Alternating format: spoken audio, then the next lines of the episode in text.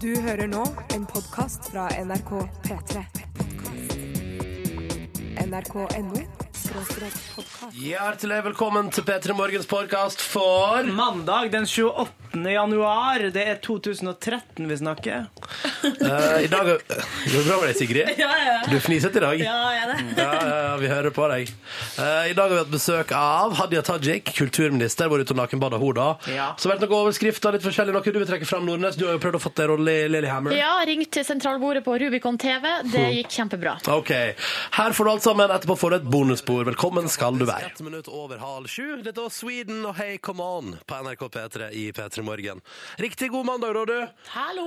Eh, beklager, nå har vi visst fucka opp for opptil flere her. Ifølge SMS-innboksen, i alle fall. Koder P3 til 1987. Skal vi se her.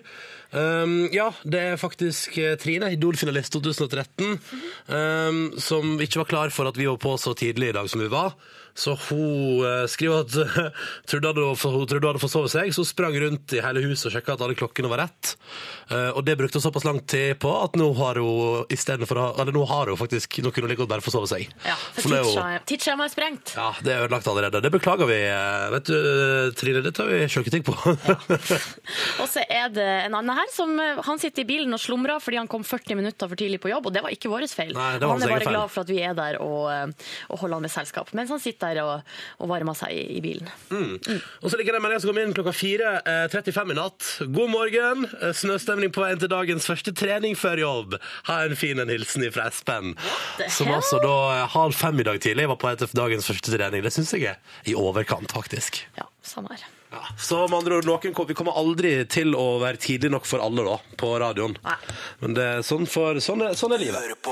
Du hører på P3. Dette der var Paramore på NRK P3 i det klokka nå er straks sju minutter over halv sju, og låta som heter Renegade. Um, god morgen og god mandag. Håper du at det er bra helg, du som hører på. Ja, har det er fin helg. Ja, Har vært ute på livet, da. er det noe du vil dele med oss? Jeg lurer på om jeg, jeg, lurer på om jeg skal trekke meg på det, men eh, jeg kan, OK, jeg gjør det. Jeg gjør det. Fordi nå, nå, skal du, nå skal du høre toppen av elendighet. Ok. Um, jeg det, det, det er nesten for vondt å dele. Ja, men nå har du begynt, så da har du ikke noe valg. Lørdag kveld eh, Da var det en såkalt GT-lørdag i mitt liv. Altså gin og taco. Å, jeg tror- Gin og taco lørdag, ok? ja.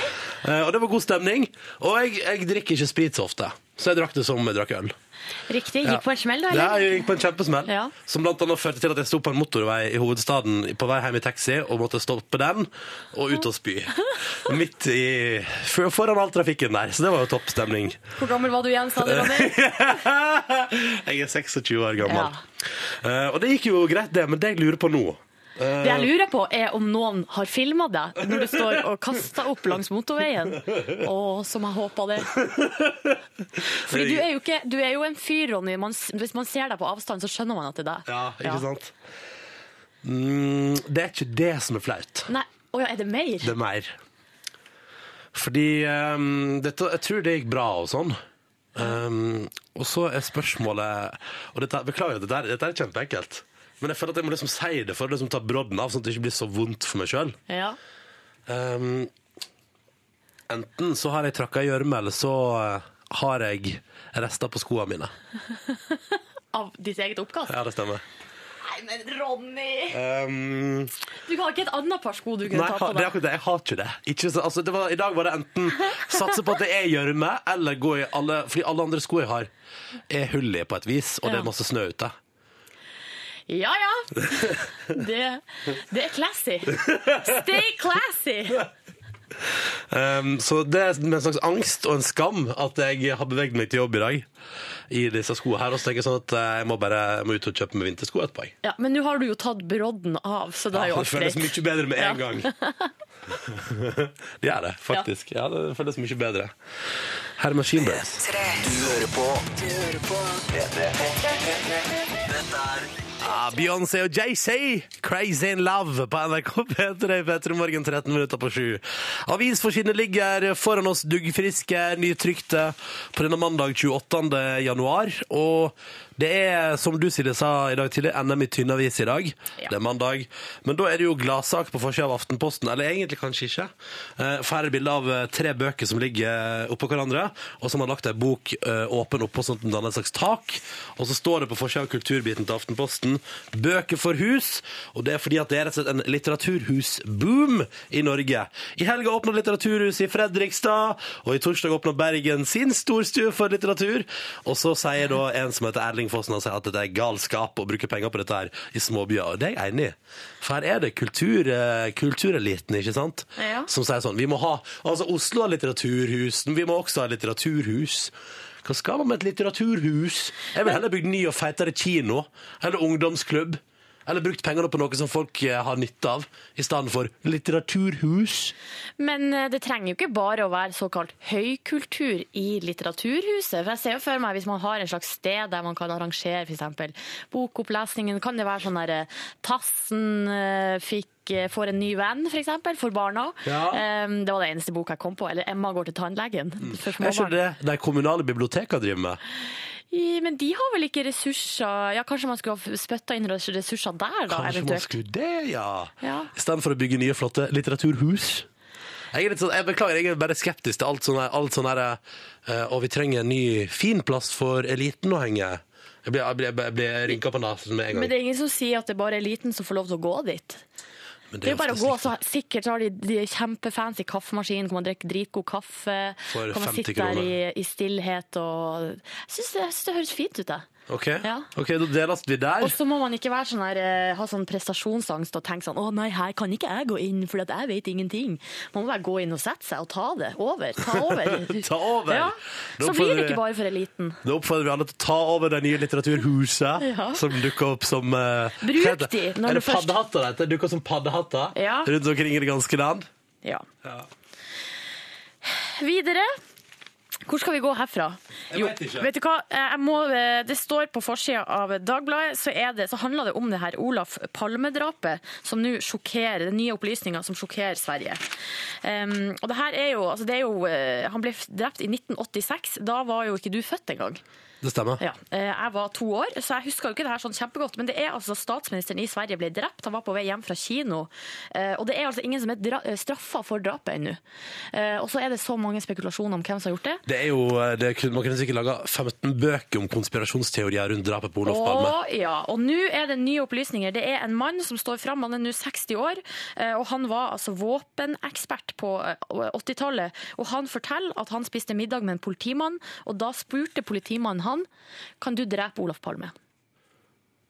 Oh ja. Ja. Ja, og dette er den tida om fram til nå. Ja, for at han, 26 år. Nei, han prøvde å ta det opp med etterforskerne noen år etterpå, men da fikk han beskjed om at det der det er vi ikke interessert i å høre om. Nei, nei.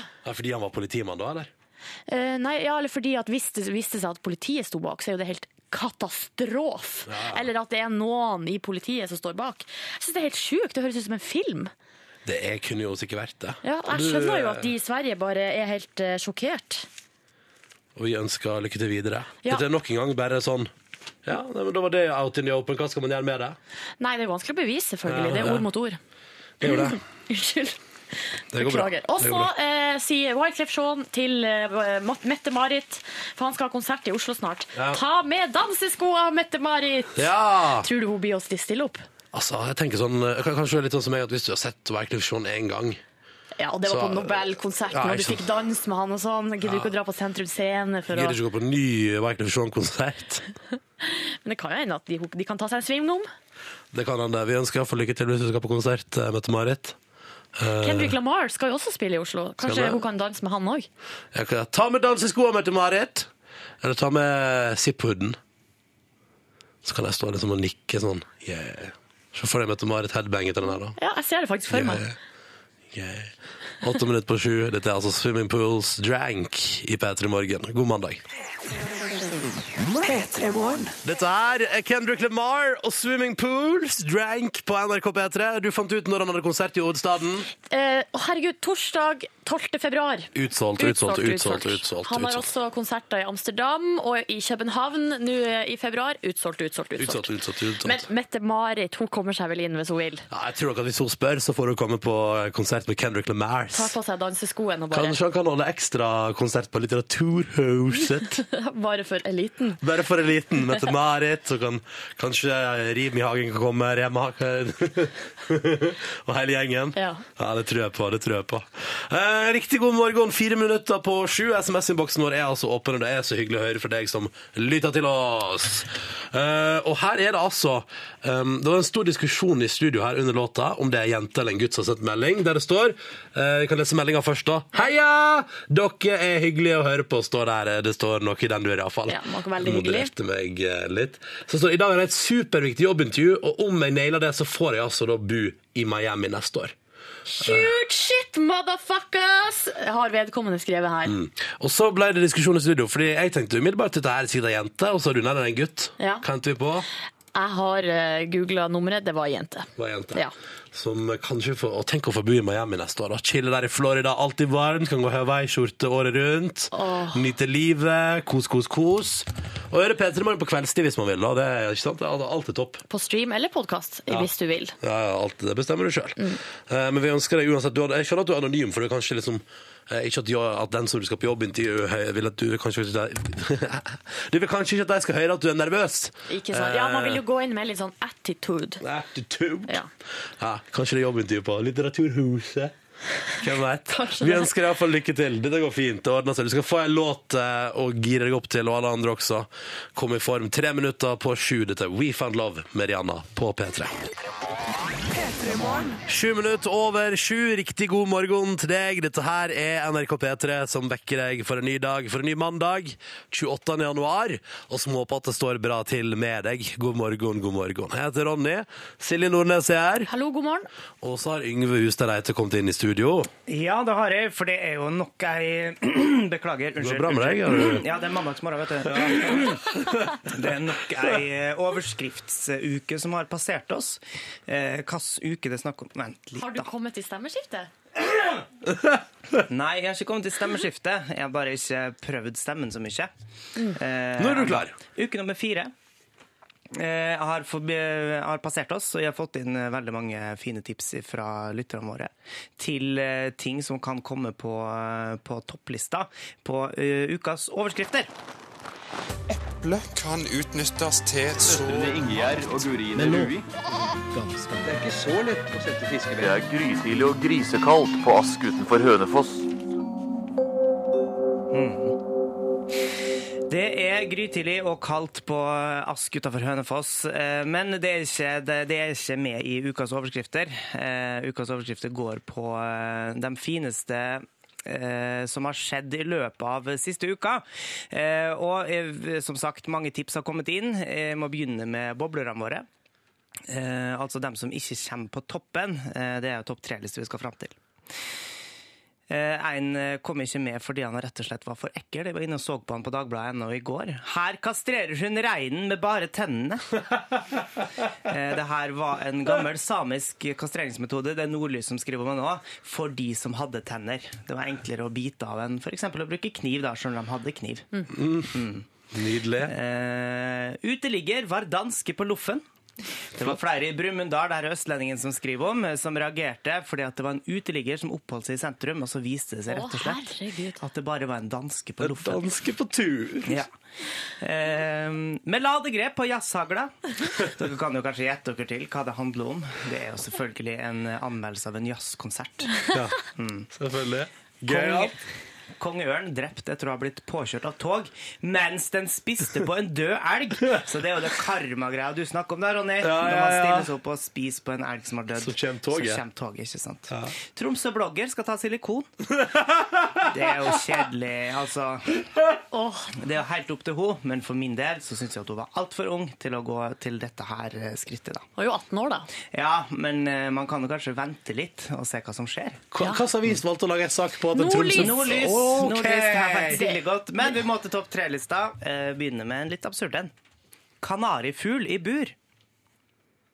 Ja, for Det det, var er overskrifta. Det var overskrifta, mens det er egentlig en kanarifugl som har blitt funnet ute i, i, i byen. Og så klarte de å lokke han inn i, inn i en politibil, og så kjøre han i fengsel. Og så sette han i, i bakkelås og slå Ja, det var flaks, da. Så fikk han gjort mer ugagn ute i gata der. Ikke sant? Eh, andreplassen går til et lite ekorn. For dum til å finne sine egne nøtter. Det er ekornet som har brukt hele sommeren på å gjemme unna nøtter og snacks til vinterdagen, men eh, sannsynligvis så kommer ikke ekornet til å huske hvor nøtteren er hen. Eller Nøtteliten, da, som de kaller det på nrk.no i eh, NRK Trøndelag. Men førsteplassen den går til Oppland Arbeiderblad. Hvis Tone eller Borghild ser dette, kan de ringe politiet. Her er da en, eh, to gifteringer som har eh, dukka opp eh, på Hadeland. Oh, ja. Eh, så hvis Tone eller Borghild eh, ser, den her, ser eh, den saken her, så kan de bare ringe til politiet. Så får de igjen gifteringene sine. Det er var helt topp. og hvis Tone og Borghild hører dette på radio, dere er etterlyst i avisa og Ja. politiet. Ja. Sistnevnte ja, Nå fant jeg ikke fram til hvem som har det, men jeg har sendt en stor takk til, til lytteren som tipset meg om den saken. Ja, det syns jeg er fint. Um, hvis du har en overskrift du mener passer i den spalta her til neste mandag, så er det bare å gå inn på bloggen vår P3NO P3morgen og klikke på bildet av Yngve Hustad Reite som eh, Hva er det du gir tommel opp? Nei, sitte og flire til en dataskjerm. Ja. Eh, ligger, på, ligger på bloggen vår P3NO P3morgen. P3. Filty Rich på NRK P3 i P3 Morgen, 18 minutter over sju. God morgen til deg og god mandag, hyggelig å høre på.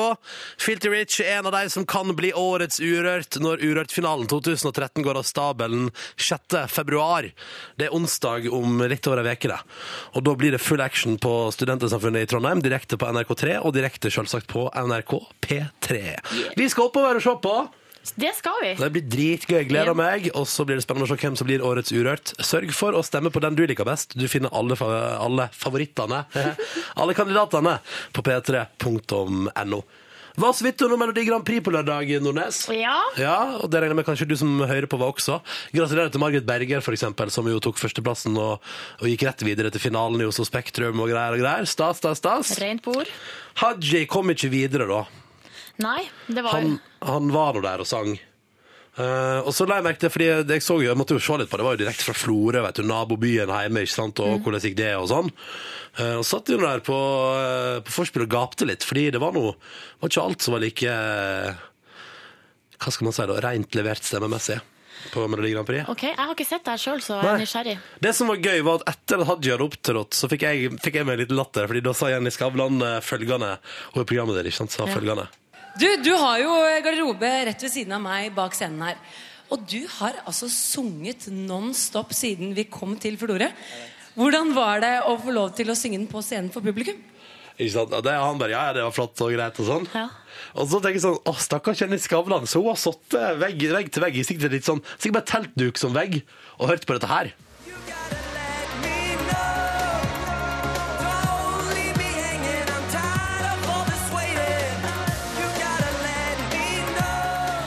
Åh, men det der Det må være noe tekniske problemer. Jeg kan ikke forstå annet. Det må jo være noe sånn her eh, Hører ikke seg sjøl på monitor eller noe sånt. Tror du det? Ja, det tror jeg. Jeg ser for meg at jeg har sittet vegg til vegg, og så har det der gått på repeat, og hun bare, ja, ja, nei, jeg skal ikke... Jeg skal ikke klikke på det. Jeg, skal, jeg må tåle dette her. Når jeg er programleder i Melodi Grand Prix, så må jeg tåle at han står i naborommet og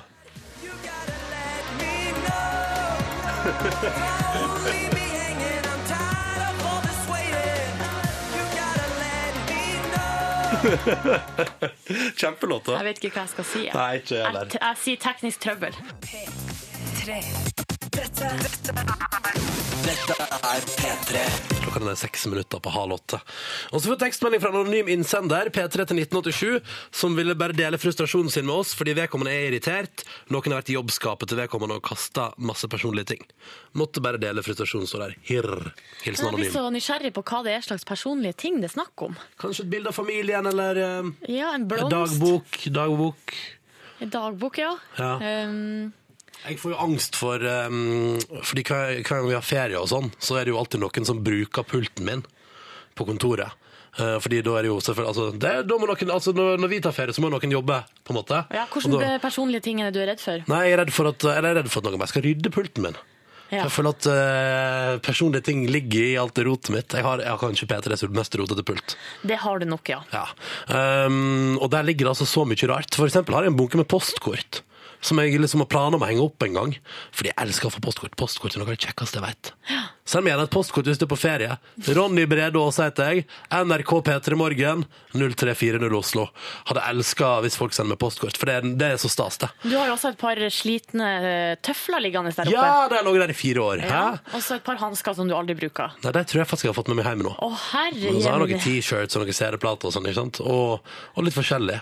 Så jeg føler at pulten min er en slags eget, mitt eget lille univers på jobb, da. Ja, der jeg kan ha de personlige tingene mine. Da skjønner jeg at eh, man kan bli irritert hvis noen kommer og rydder det vekk. Ikke sant? Ja. Bare sånn, Dette her trenger han ikke. Kaster det postkortet her.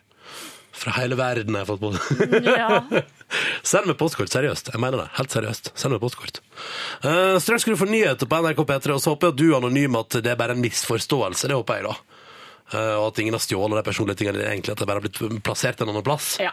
Krysser fingrene for det. Hvis du har lyst til å sende tekstmelding til oss, P3 til 1987, fram mot nyhetene nå, kjempelåt på NRK P3. Dette er Heaven's Basement. Mer rock på morgenkvisten for å vekke deg. Låta heter Fire Fire. God morgen. P3. Seks minutter over halv åtte. Riktig god morgen. Dette der var Radioactive av Imagine Dragons på NRK P3. På mandagen. Jeg heter Ronny. Syns det er hyggelig å få lov til å være her og vekke deg inn i radioen. Hallo, nå må du våkne. Silje Nordnes er her også. ja, og jeg mener jo at det er helt ulovlig å, å slå på mikrofonen. Nei, må, nei, det er ikke lov. Ok. Yngve Stereite. Ja, god morgen. Eh, Jeg er òg her inne for å hjelpe til å vekke og starte opp dagen. Og du har noe på agendaen? Ja, jeg har en liten eh, sak jeg har lyst til å gå gjennom. For jeg ser på nrk.no, altså NRK Trøndelag, så har de laga en sak som heter 'Slik blir du en mester i smalltalk'. Eh, og en slags sånn masterclass der det går ut på hvordan, hvordan man, ja, forskjellige ting hvis man har problemer med, å- med å få samtalen til å gå. da. Som man skal bruke i alle cocktailselskapene i Trøndelag. For eksempel, eller i bryllup. Jeg tror du kan bruke det ikke bare i Trøndelag, da. Kan jeg bare spørre deg en ting, Silje? Hva- Sa du det med en sånn ironisk tone som om det aldri blir arrangert cocktailselskap i Trøndelag? Jeg tror ikke Trøndelag? Er den regionen i verden der det arrangeres mest Det him- det er cocktailselskap. bare himkokfest? Nei, ikke bare det, da. Men det var det forsøk på en liten spøk, da. Ja. Ikke sant? Og her går man gjennom litt sånn detaljert hvordan man skal eh, komme i gang med en samtale, og hvordan man går videre, og ting man bør unngå, eller ting man liksom kan, kan hekte samtalen på. Ikke sant? Det er lettest er kanskje å snakke om været. Eh, dette her minner meg om en situasjon jeg kom opp i forrige uke, fordi jeg var på et kurs her på NRK, eh, der vi står eh, når vi har sånn kaffepause. Eh, Så står vi jo selvfølgelig da og småprater litt med Smalltalk om du vil. ikke sant? Det er nettopp den småpraten her, der jeg kom over Det her er liksom Men det var litt med sånn folk du ikke kjenner. innføring. Det er med folk jeg ikke kjenner, ja. Ja. Eh, Så man blir stående og prate litt selvfølgelig om kurset og hva man, hva man driver med og sånne ting. Men så var det en som skulle prøve litt, eh, en litt annen ting, som vi da vil kalle mer for storprat. Eh, Ok. Fordi han ville åpenbart snakke om noe litt annet. Big talk. Eh, gikk forbi et magasin, eh, type Dagbladet eller noe sånt, der det var et portrettintervju med Jenny Skavlan. Ja. Og så pekte han på eh, bildet av Jenny Skavlan og sa at når jeg ser hun her, her så tenker jeg sex!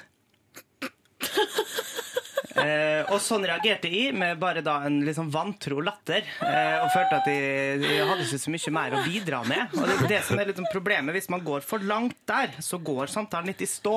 Ja. Eh, hvis man da f.eks. sier eh, at det er en fyr som man syns er litt irriterende, så kan man jo peke på bilder av dem, bare sånn politikere og sånne ting. Så sier man nei, det er en litt irriterende type, og så lodde litt stemninga. Ja, ja. Eh, For eksempel med Jenny Skavlan kunne sagt ja, hun er fin, hun liker jeg. Og så kunne de sagt ja, ja, jeg er enig. Så, ja, pen, da. Og ja, ja, jøss, ja, pen, ja. Herlighet. Istedenfor da å gå helt dit, for da har de ingenting mer å bidra med. Eh, Framfor å da si liksom ah, nå er jeg litt lei av dette kurset her, så, eh, så må man heller si det enn å Faen, ass! Nå er de døde! Altså, jeg går ut, jeg går, jeg går vekk, jeg går hjem. Eh, eller eh, om man går bort og sier hei, skal vi ta en kaffe, eller skal vi finne på noe en dag? Istedenfor å si skal vi finne på noe for resten av livet sammen hele tida. Så man går liksom for langt. Man har ikke noe mer å gå på.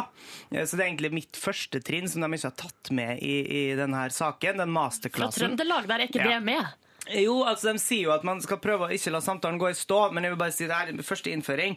Sørg for at det er smalltalk og ikke big talk. Altså at man, man går ikke helt på 100 med en gang og lodder stemninga litt. Jeg er bare nysgjerrig på Fordi hvordan liker Jenny Skavlan like godt som den neste personen. jeg. Men hvordan endte den her passiaren med han fyren? Stoppa det der? Det skal jeg si nøyaktig hva som skjedde. At jeg eh, skratta veldig høyt og kanskje litt påtatt, og så gikk jeg inn på kursrommet. Og så deg aldri tilbake? Jo, jo, vi prata om andre ting seinere. Ok, ja. Men eh, der, der stoppa samtalen sånn der og da. Ja. Det forstår jeg kjempegodt. Ja. Det forstår jeg også veldig godt. Så trinn nummer én, ikke gå for langt. Og så trinn nummer to da, og, fire, fem og seks, som er på NRK Trøndelag. Gå inn der, og så les dere, så kan dere gå i bryllup med god samvittighet. Eller cocktailparty, da. Eller cocktailparties. Eller hjemmebrent fest. Det går an også an å bedrive smalltalk der. Ja, der blir det mye big talk igjen, tror jeg. Men det, det er først seinere. Ja, ja. Når alle er fulle, så kan du si at Jenny Skavlan får deg til å tenke på sex. Ja. P3. Goo Goo Dolls med Iris i P3 Morgen. God mandag til deg. Stas at du lytter til oss. Og nå så skal vi til ei spalte som ja, Hva er tittelen, egentlig? Silje prøver å bli med i Lillehammer sesong to. Ja. Og vi, vi hører på jingelen, vi. Leave the fucking cheese there, all right? That was good. We'll give you a tryout for Lilyhammer's second season. I'm, I'm telling you right now, because that was good. TV-serien Lillehammer får en sesong to. Silje prøver å bli med i Lillehammer, sesong to. That was good. Ja, den har jeg laga sjøl. Ja, ja, den er kjempefin. Min første jingle. Så fornøyd. Ja, det tror jeg på. Du, eh, du, du prøver å få deg en rolle i Lillehammer season 2. Ja, det her er en serie som har Eller det er liksom en slags ja, en føljetong som jeg holder på med nå. Eh, nye steg eh, etter hvert. Har ikke holdt på så lenge, da.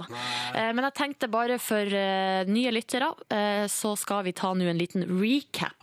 Eller 'Dette har skjedd'. En sånn Eh, previously Previously in on Silje tries to get a role in Lillehammer season two. Yes. Det aller, aller første som skjedde, og som er utgangspunktet for det hele, var jo at jeg snakka med Steven van Sant, spilte en eh, scene fra Sopranos for han, og da sa han følgende. We'll give you a tryout for Lillehammer second season. I'm, I'm telling you right now, because that was good. Ja, han sa det, at jeg skulle få prøve meg. Eh, Sesong to har ikke hørt eh, noe fra dem, selv om de faktisk er i gang med innspilling allerede. Ja, ja. Så da tenkte jeg, da må jeg ta en prat med eh, den eneste som jeg kjenner, sånn, som jeg kjenner best, da. Den som jeg kjenner best, som er uh, inne i det apparatet der, og det er Steinar Sagen. Så jeg uh, kontakta han her på arbeidsplassen vår eh, og spurte eh, litt om uh, Lillehammer. Og så spurte jeg også om han eh, trodde at jeg hadde en sjanse.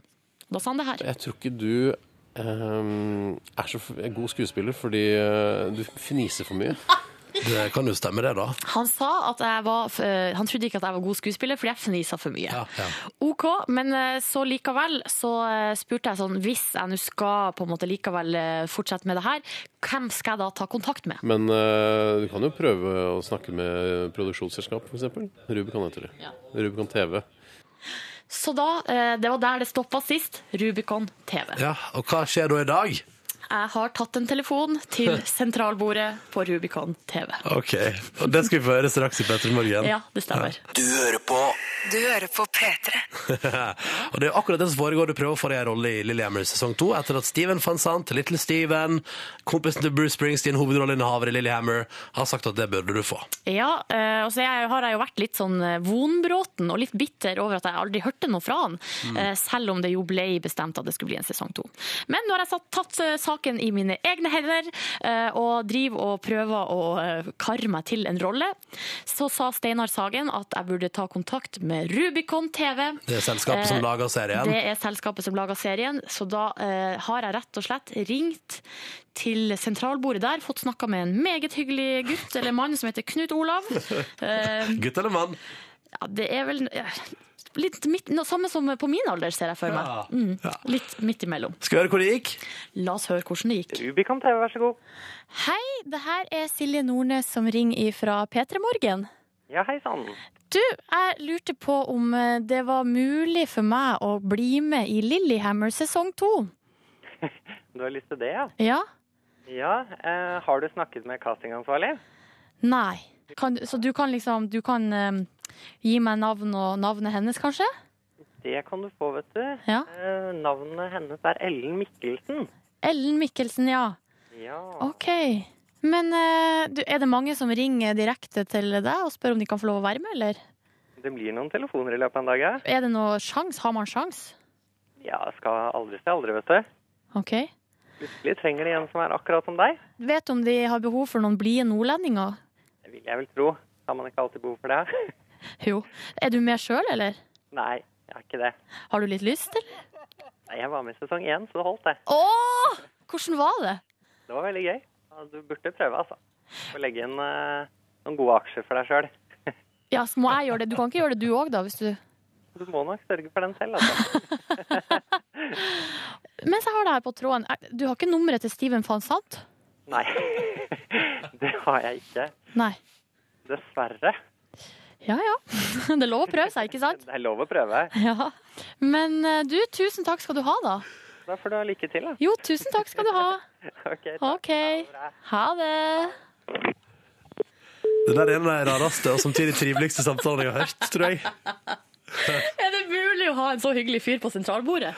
Ja, ja, er det mulig å, å legge på seg så fin stemme når du skal prøve å smiske med noe? Hørte jeg ikke veldig Hørtes søt ut. Ja, du hørtes veldig søt ut. Imponerende innsats. Ja. Så da, eh, neste steg blir vel da å ta kontakt med eh, castingansvarlig Ellen Mikkelsen. Ellen Mikkelsen blir neste steg på Jeg gleder meg allerede. Hvis jeg må ta i Ja. Mm, mm. Ja, mm, mm.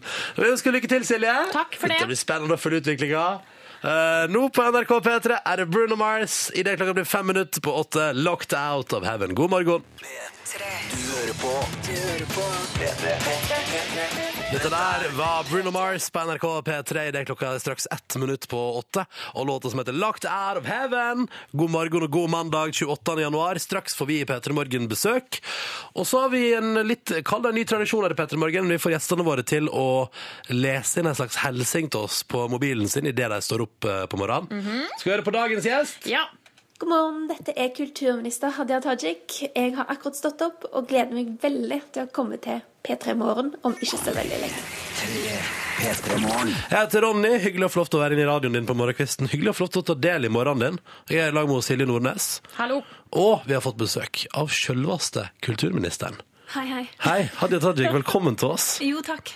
Eh, hvordan er livet som kulturminister på en mandag morgen i slutten av januar? Mandag morgen er for eh, kulturministre omtrent som det er for alle andre. Det er, det er alltid fint med helg, og så er det litt tungt å stå opp. Ja. Men eh, så er det jo greit når man eh, først kommer i gang. Det er jo eh, viktige og gøye ting man får lov til å gjøre. Hva har du gjort på helga, da? Bare for å ta det først. Ja, altså På lørdagen så var jeg på et eh, Arbeiderpartiarrangement. Altså Det var i forbindelse med eh, opplading til valgkampen. da. Eh, men eh, sånn utenom det så har jeg bare hatt fri og vært med venner. Ja. Ok, jeg skjønner. Hva, hva, hva gjør en kulturminister med vennene sine i helga? Går du bare på kulturarrangement? Er det, må du ha liksom, ja, må iallfall ha billett til minst én, ett kulturarrangement hver helg?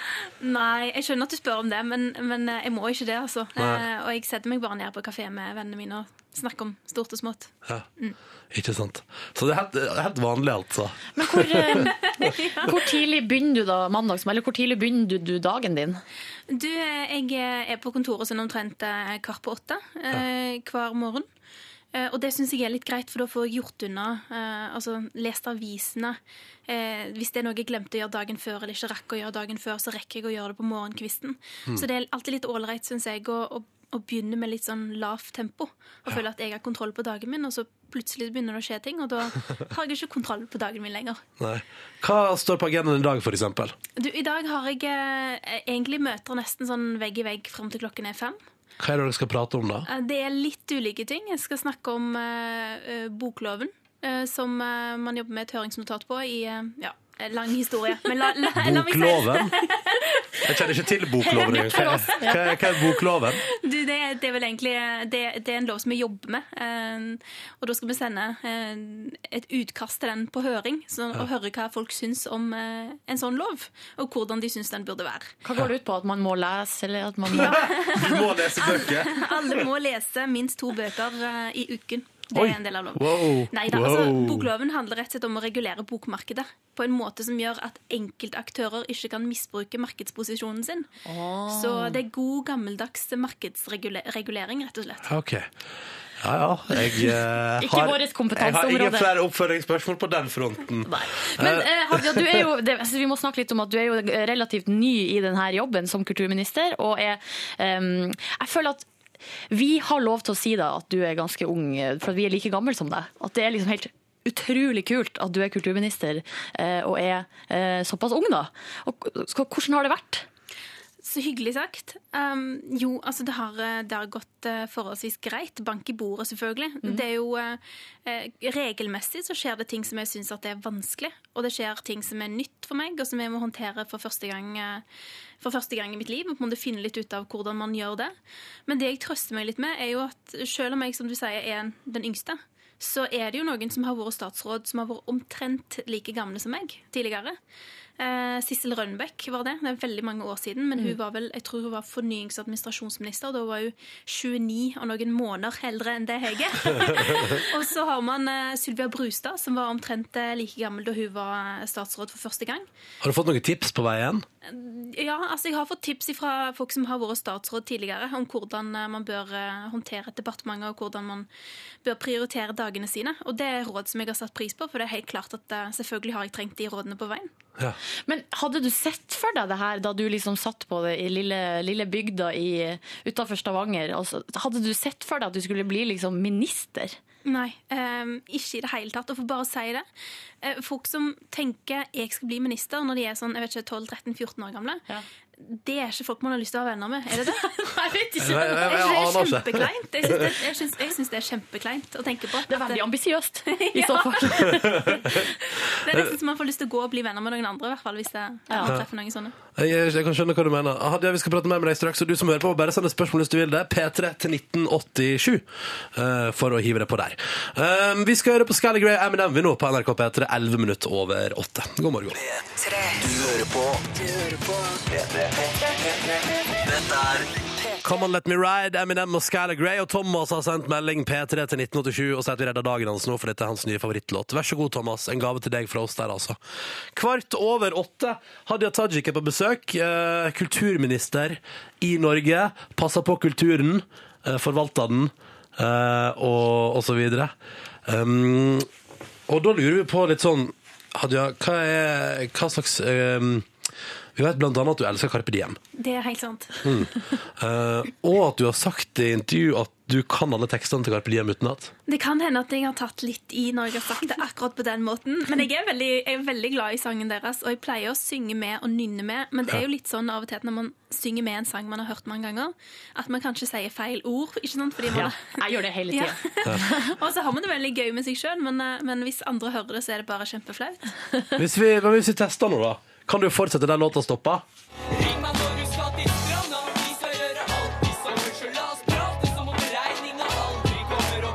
Og yeah, yeah. Det er bare det. Er det ikke det? Oh, yeah, yeah. Og så kommer det noe etter der, men det har jeg glemt. Ja, det har jeg òg glemt. Dra på byen og bruke opp en middel, ikke det da?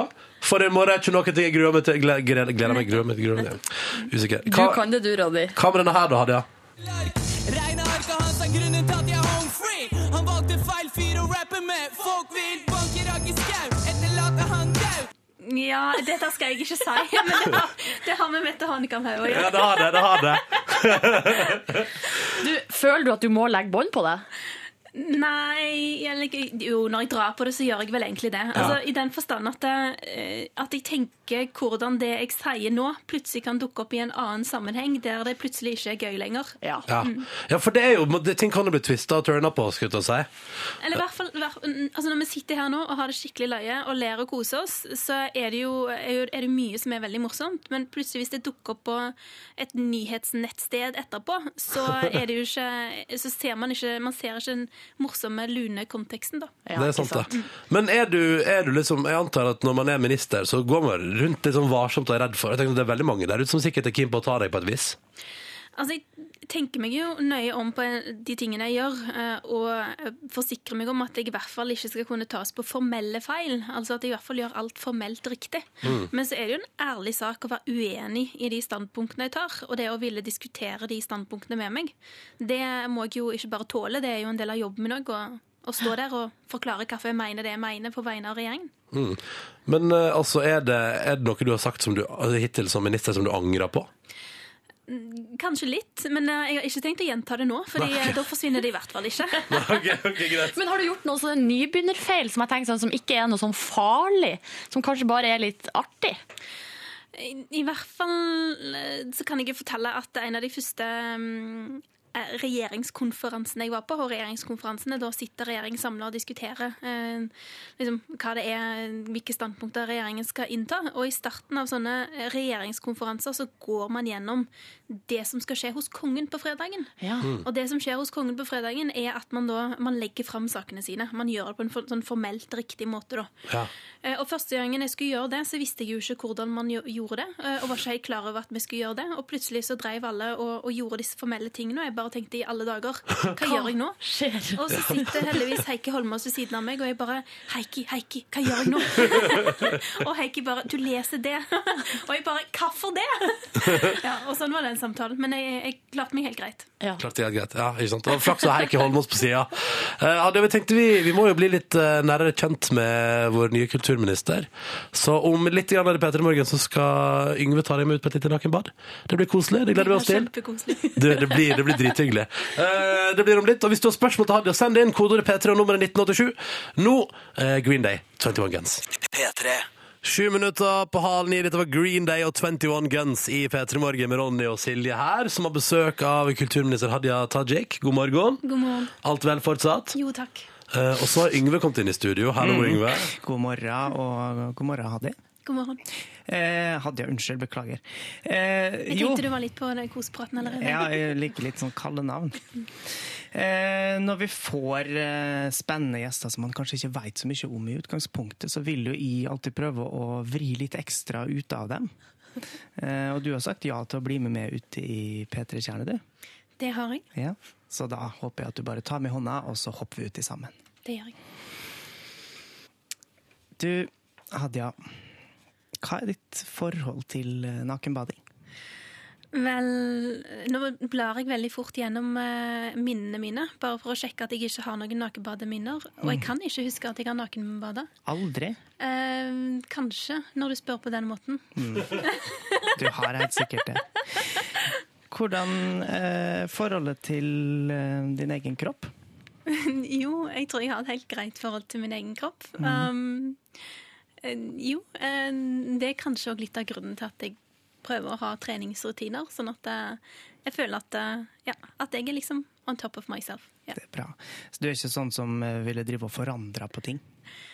Mm, altså Det er jo alltid ting man tenker at det kunne vært annerledes, men så er jo spørsmålet hvor mye energi skal man bruke på det? ikke sant? Det er ikke det bedre å forandre hjernen sin? Altså Mm. Gjøre den bedre, gjøre den sterkere og smartere, enn å bruke masse tid på en tå eller en finger? Men du ville forandre på tåa hvis, hvis alt var i orden oppi hjernen? Ja, Hvis alt var i orden oppi hjernen, så tror jeg jeg gjerne skulle sett at jeg hadde en litt mer sånn lekker store tå. Mm. Mm. Har du sett noen toppolitikere naken? Nå blar jeg igjen veldig raskt gjennom alle minnene i hodet mitt. Um, og det kan jeg konstatere at jeg ikke har. Nei. Ja, Med glede. Mm.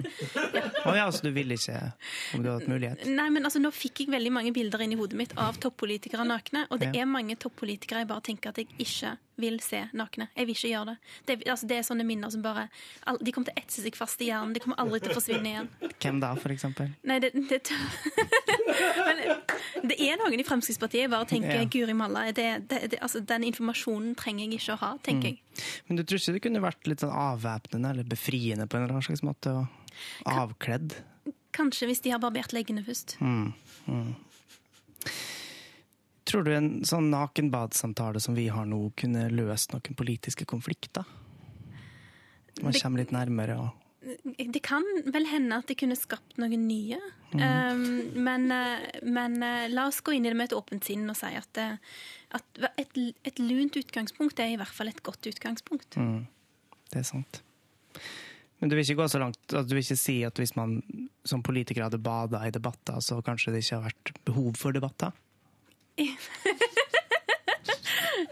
Um, Eller politiske ja, grupperinger, vi kan dra det så langt. Ja. Tror du ikke folk hadde vært mer enige hvis man Det kan hende at vi i stedet for å debattere bare heller hadde plaska vann på hverandre. Mm. Og det er klart at det kan jo være litt mer koselig. Men, eh, men om det bringer Norge videre å plaske omkring Mm. Uh, Eller jo, plaske omkring litt er, er nå greit, men, men kanskje ikke hele tiden. Hva er din største hemmelighet, Hadia? Min største hemmelighet er um, Nei, jeg, har- jeg har ingen hemmeligheter. Alt, alt, det du ser, er det du får. Mm. Så ingenting du har lyst til å dele med meg sånn på tampen her? Det er masse jeg har lyst til å dele med deg, Yngve. Eh, men, eh, men ingenting av det er hemmelig. Nei, ok. Tusen takk for intervjuet, Hadia. Det var veldig hyggelig. P3. Muse på NRK P3 og låta som heter Madness. Seks minutter over halv ni. God morgen, det er mandag. Eh, Det er en ny veke. Det kan være litt tungt å starte, men vi prøver å hjelpe deg videre her i P3 Morgen med musikk og litt prat innimellom. Eh, Jeg som heter Ronny og Silje sitter akkurat nå og prater med kulturminister Hadia Tajik Om TV-serier. om TV-serier. Ja. Homeland og Grace Anatomy. Ja. Ja. Eh, nå- Og halvbroren. Og halvbroren. Mm. Du syns ikke Grace Anatomy bare, det bare går og går? Det, Jo, det gjør det, men på en måte så blir man litt glad i de det gjelder, og så får man litt lyst til å fortsette å være en del av livet deres. jeg blir også irritert på dem. Blir du det? Får lyst til å si til dem må dere pinadø skjerpe dere. Ja, jeg får lyst til å dytte de litt sånn Ja. der, og ta de sammen, liksom. Kan du ikke bare ja, skjerpe deg? Og slutt å snakke om kjærlighetslivet mens du står med hendene oppi liksom, en kropp. Ja, Det vil jo alltid være en fordel hvis eh, kroppen skal overleve. Ja, ikke sant? Enig. Nå, SMS-spørsmål til Hadia Tajik. Det har kommet eh, ganske mye her eh, til oss. La oss ta en runde på det. En god spredning. Fordi um, Ja, men det blir fort det. Det er en som skriver her eh, litt sånn spøkefullt. Eh, Hadia, du er et lyspunkt i en nitrist regjering. Kan du ikke konvertere til Høyre? Det var både hyggelig og slemt sagt. Eh, jeg får takke for eh, komplimentet, og så er det eh, Det er nok ikke aktuelt å konvertere til, til Høyre. Det, nei. nei det, det er altfor mange ting vi er uenige om, rett og slett. Jeg skjønner. Det er Ja, greit. ja. Um, og så skriver um, Karsten uh, Hadia, kan du forklare offside-regelen i ishockey? I ishockey? Guri land. eh, er- er den det samme som i fotball? Det må vel kanskje nesten være det. Se. Vet du hva, jeg vet ikke. Ikke heller. Men du har sagt, du sa i helga at du kunne ønske at folk eh, spurte deg litt mer om, eh, om offside-regelen Ja, i fotball. Jeg, jeg burde vært presis, for det var fotball. Ja. Jeg kan offside-regelen i fotball. Jeg, men, I ishockey må jeg bare erkjenne. Jeg må bare legge meg helt flat. Jeg må legge meg så flat at jeg med lodotten i gulvteppet deres ligger høyere enn hodet mitt, og bare erkjenne at ishockey-offside-regelen, den kan jeg ikke. Men få høre, da. Fotball-offside-regelen. Ja, altså Jeg er flinkere til å tegne offside-regelen enn jeg er til å forklare den med ord, men nå kan jeg jo prøve. Ja. Uh, altså. Offside det er eh, når, eh, når man er på motstanderen sin eh, banehalvdel. Man er nærmere eh, målet enn man er den siste spilleren til motstanderen. Altså, for, altså Man har gått forbi motstanderens forsvar. Eh, og man da får ballen eh, i den posisjonen der, så kommer dommeren til å blåse fløyta og si at det er offside. Ja. Mm. Jeg tror det var riktig. Det var riktig. Det, det som sagt det er lettere å forklare og å forstå når man tegner det, enn når man for, sier det med ord. Har det vært viktig for deg å liksom lære deg denne regelen? Du, altså Denne regelen har jeg kunnet i ganske mange år, mest fordi det er, sånn, det er en sånn rar ting å kunne. Eh, og fordi det alltid dukker opp en eller annen litt sånn der breial gutt som sier du kan vel ikke offside-regelen. Tenkte du sånn, nå skal jeg ta deg? jo da, det kan jeg. og så er det jo nyttig å gå hunde som idrettsminister. Det er jo ikke helt irrelevant. Det er sant. Skal vi ta et spørsmål til fra SMS-boksen. Eh, La oss gjøre det. har vi tid til det? Ja, vi, vi rekker et kjapt et til. Eh, For da står det Ronny, du kan jo spørre Hadia hva et litteraturhus kan brukes til. For det har vi snakka litt om før i dag. Det bygges Ja. masse litteraturhus. Ronny er redd for at det blir sånn elite... Elitekjør. Med, Ja. Det står i Aftenposten at det er sånn litteraturhusboom i Norge. Mm. Og så sier jeg så kan ikke man bygge noe som eh, ikke bare kultureliten kan være en del av? Mm. Altså Egentlig så kan man jo uh, bruke folkebibliotekene til mye av det samme som man bruker litteraturhusene til. Det er nettopp Altså, derfor jeg syns det blir så elitistisk. Man kan samles der, og man kan diskutere, og man kan ha uh, altså i det hele tatt ha åpnere dører på folkebibliotekene. Mm. Men det er klart, uh, altså, bare for å ha sagt det, jeg syns at Litteraturhuset i Oslo de har jobba på en måte som gjør at det ikke bare er et hus for eliten. Altså De har klart å få hele byen til å komme til Litteraturhuset for å diskutere både stort og smått. Eh, men så er det ikke opplagt at bare fordi man bygger et hus og kaller det et litteraturhus i et annet sted, at det vil kunne fungere på samme måte. Så det Mm. avhenger veldig av hvordan det er man jobber. Men jeg mener at det er et mål i seg sjøl at, eh, ja, at den type bygg eh, at de har åpne dører og låg terskel for at, er med og det, at folk er med og deltar. Så da kan du dra på Litteraturhuset i dag, Ronny, Ja, og sjekke ut uh, stemninga. Ta med en kopp kaffe og diskutere noe greier. Ja, ja. Vi skal til spørsmålsruletten. Vi har en bakebolle full av lapper. På hver av lappene Ja, må du ta på headset, fordi oppi hver eneste i bakebollen her, oppi hver, her, på hver eneste papirlapp så står det et tall. Ja. Bak tallet skjuler seg et spørsmål. Hadde jeg trukket nå? Ja, nå La er oss se hva det går i. Jeg har fått tallet sju. Sju. OK. Da skal du få spørsmål nummer sju i vår lett, og her kommer det. Hvor nær har du vært døden? Oi. Kulturminister Hadia? Tajik, hvor nær har du vært døden? Vel Altså, nå kommer jeg bare på én episode, og det var veldig mange år siden i Pakistan. Altså, Familien min er jo fra Pakistan. Eh, og da var vi hjemme hos noen slektninger av min far. Eh, og der hadde ved en inkurie så hadde gassovnen blitt stående på. Og der satt vi og ante fred og ingen fare, og gassovnen hadde, altså det hadde lekka masse gass. Og jeg hadde merka at jeg ble tyngre og tyngre i pusten, men eh, jeg tenkte nå at eh, ja, altså at det er varmt, og at jeg Ja. sikkert er sliten, og hva det måtte være. Eh, og plutselig så kom, og dørene er lukka, da, av en eller annen grunn så hadde vi ikke dørene eller vinduene åpne heller. Men Nei. plutselig så kommer det noen inn i rommet og som bare sier i alle dager kjenner dere ikke at gassen er på. Herregud. Eh, så vi, I ettertid så var vi litt fornøyd med at, eh, at vi ikke døde, kan du si. Ja. eller at ingen på en måte fant ut at de ville tenne en sigarett eller tenne et stearinlys eller et eller annet sånt. Noe. Ja, for da kunne det eksplodert hele Det kunne gått veldig gale. Men det gjorde det heldigvis ikke. Å, gud. Ja, det var bra. Ja. For en dramatisk Ja, jeg, historie. Jeg, jeg er fornøyd med at det gikk ganske greit. Slags. Eh, det var et fint svar på spørsmålet. Uh, Hadia Tajik, vi ønsker deg en god dag på jobb og lykke til videre som kulturminister. Og takk for besøket, P3 Morgen. Selv takk. Du skal få en fin låt med deg på vei ut der. Dette her er britiske Peace og låta som heter Reth, og er absolutt en av mine favorittlåter for tida. Dette er P3. Pink på NRK P3. Elleve 11 minutter på 9. Dette var låta som heter Try i P3 Morgen. God mandag til deg. Ronny og Silje, her og nå har vi bytta ut kulturministeren med to andre karer. Lars Berrum og Oliver Wermskog. Hallo, hallo. Hei, hei, hei. hei, hei. Jaså, jaså. Hvorfor er dere her i dag, da? vi, vi er her fordi vi eh, blir invitert da, av dere, først Ja. og fremst. Og så skal vi jo ha eh, La oss kalle det en premiere på Du- et nytt program. Det er jo en premiere på et nytt program, Ja, så det du er trenger ikke kalle det det engang. Det er det. Ja, ok, greit. Ja, men det er det som er, eh, Hvis jeg kan skyte inn der, for det er det som er spesielt med radiopremiere. Det er jo på en måte Vi går bare eh, Vi skal begynne 11, og så snakke til ett. Og så er vi, får vi litt hat, og så får vi litt skryt. Og så er det ferdig. Og så skal vi gjøre det mange ganger. så det er liksom sånn, det er rart. Det er ikke helt premiere, men folk kaller det premiere, så da blir det premiere. Men dere skal altså i dag eh, Det er et nytt program. Eh, fra, eh, Boller og burritos heter det her programmet i sendetida 11 til 1. Det er Radioresepsjonens i ga- Vi må bare ta Det er elefanten i rommet. Ja. Ja, ja, ja. At det er Radioresepsjonens i gamle sendetid. Så dere skal hoppe etter Virkula der, på et vis. Ja, det skal vi gjøre. De, har jo, de er jo dritbra, og vi har jo all respekt for dem. Men eh, vi skal kline til, vi. Dere klina til. Ja. La oss Ja, vite ikke ja, helt hvem de er.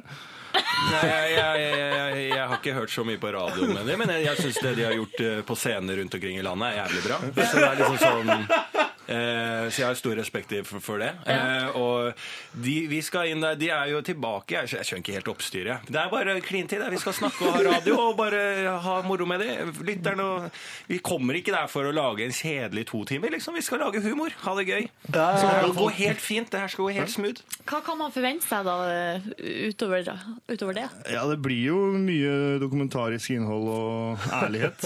Nei, det blir, det blir bare, det er et, vi har kalt det et humoristisk humorprogram. Det skal være, og Navnet er Boller og Burritos. Og for de som har sett bildene som ikke har en dritt med navnet å gjøre, eh, som bare er galskap, så er det bare moro. Vi skal, vi skal bare gjøre det vi har lyst til som vi syns er gøy, og så håper vi at folk også syns det er gøy. Og så har vi også med oss Marte. eh, Som Ja. ikke er her nå, fordi hun er alltid utegående reporter. Hun er aldri inne og får hun aldri lov å komme inn. Nei. Hun har ikke, hun har ikke inngangskort til NRK. NRK. Sånn sett så er hun ikke ansatt i NRK. Hun er ansatt av oss. Ja. Har fått seg en radiosender, og that's it. Ja. Ja. Ja, men det blir moro, da. Um, og så må folk høre på da mellom 11 og 1 i dag på Boller og burritos. Ja. Hvor kommer den tittelen fra? Vet du hva, Det kommer fra eh, vår generasjon som eh, vi, Jeg er 26 år gammel. Eh, Det er og heter Lars. Eh, og ved siden av meg så har jeg Ollie på 27 år. 27 år. Eh, og vår generasjon, pluss minus en del år, eh, har eh, operert med heimkunnskap-boka 'Fra boller til burritos'.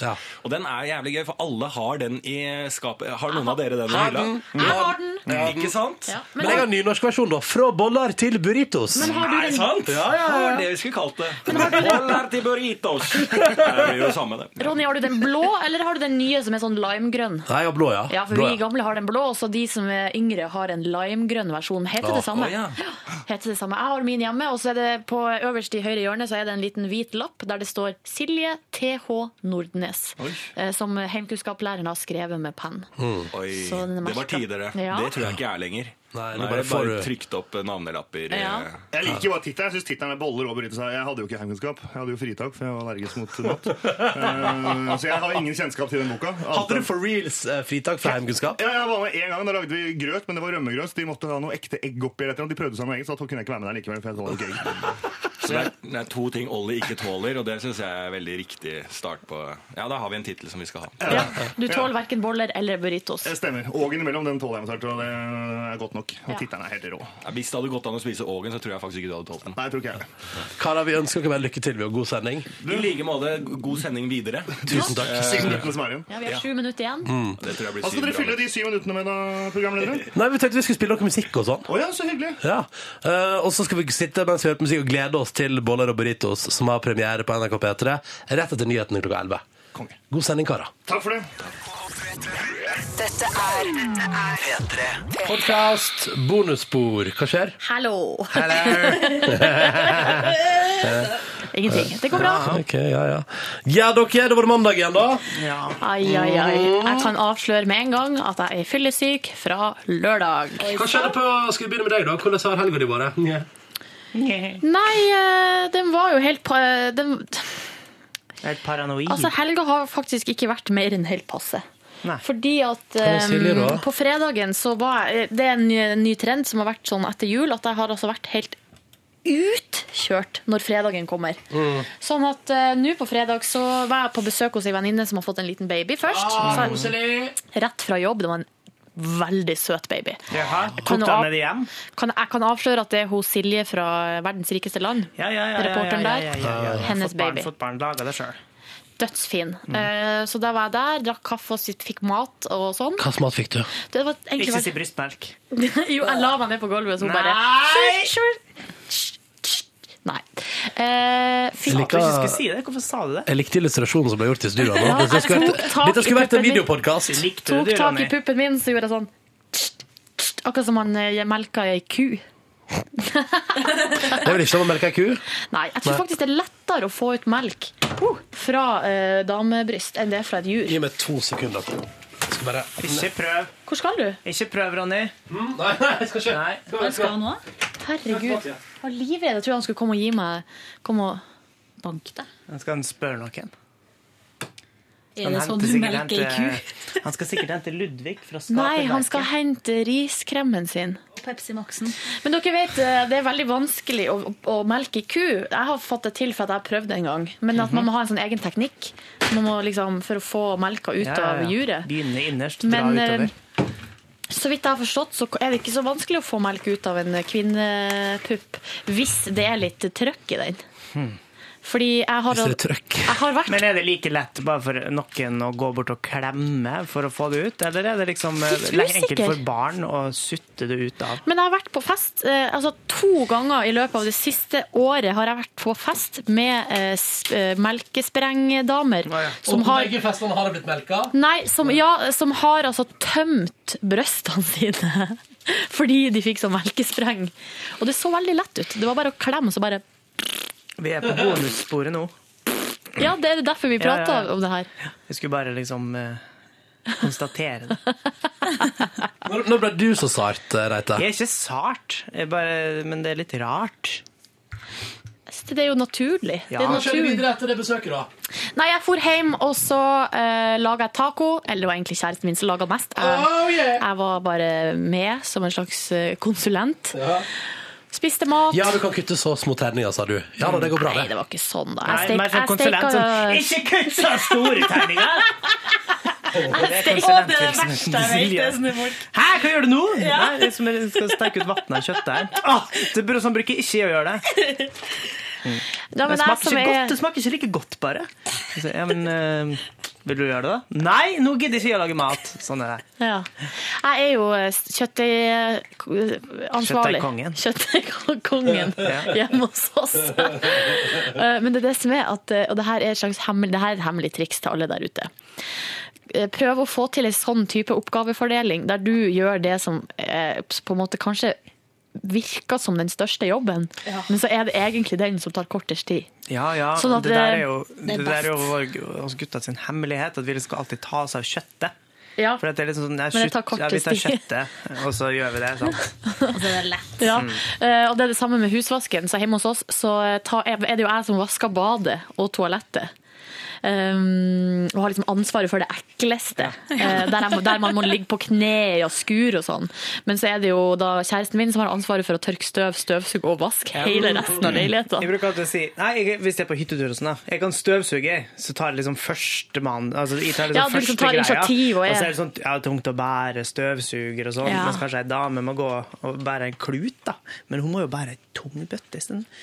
Og så kan jeg slurve litt, og så blir det tatt ekstra nøye når, når de vasker etterpå. Ikke sant? Ja, men det der er et lite triks. Mm. Jeg tror de fleste vet om det. Ja, OK. Men kjæresten min er så lett å lure. Men hun har gjennomskua meg nå, da. Jeg håper hun kjører på podkasten. Jeg tror ikke hun gjør det, men det, akkurat det her, jeg kan snakke om det her, for at hun har, jeg har allerede blitt gjennomskua på det. Ja. Men greia er at hun syns det er ekkelt å vaske dass, så da må jeg gjøre det. Hvorfor syns hun det er så ekkelt? Det er nå bare doktor som bruker den. Nei, men hun bare syns det er ekkelt. Da. Ja, okay, men det er- Ja, for at det hun er fisefin. Men det hun syns det er ekkelt, er at. Silje bruker å rengjøre doen med ansiktet. Det er så slekk doen rein. Eh, jeg ble irritert en annen gang når det kom til sånn arbeidsfordeling. Da. Eh, så var jeg og besøkte dama i Østerrike. Og der eh, hun som hun bor sammen med, eh, hadde besøk av sin ja, Var de sammen, eller var Det var ikke helt sånn definert ennå. Fleng? Som ikke bidro? Jo, men han skulle liksom bidra da hvis du lagde middag og de hadde vært ute på et eller annet prosjekt. Rote ned leiligheten. Og så skulle vi lage middag. Og så mens de liksom sto og lagde middag, og så sto kjøkkenet Nei, kjøkkenet, si.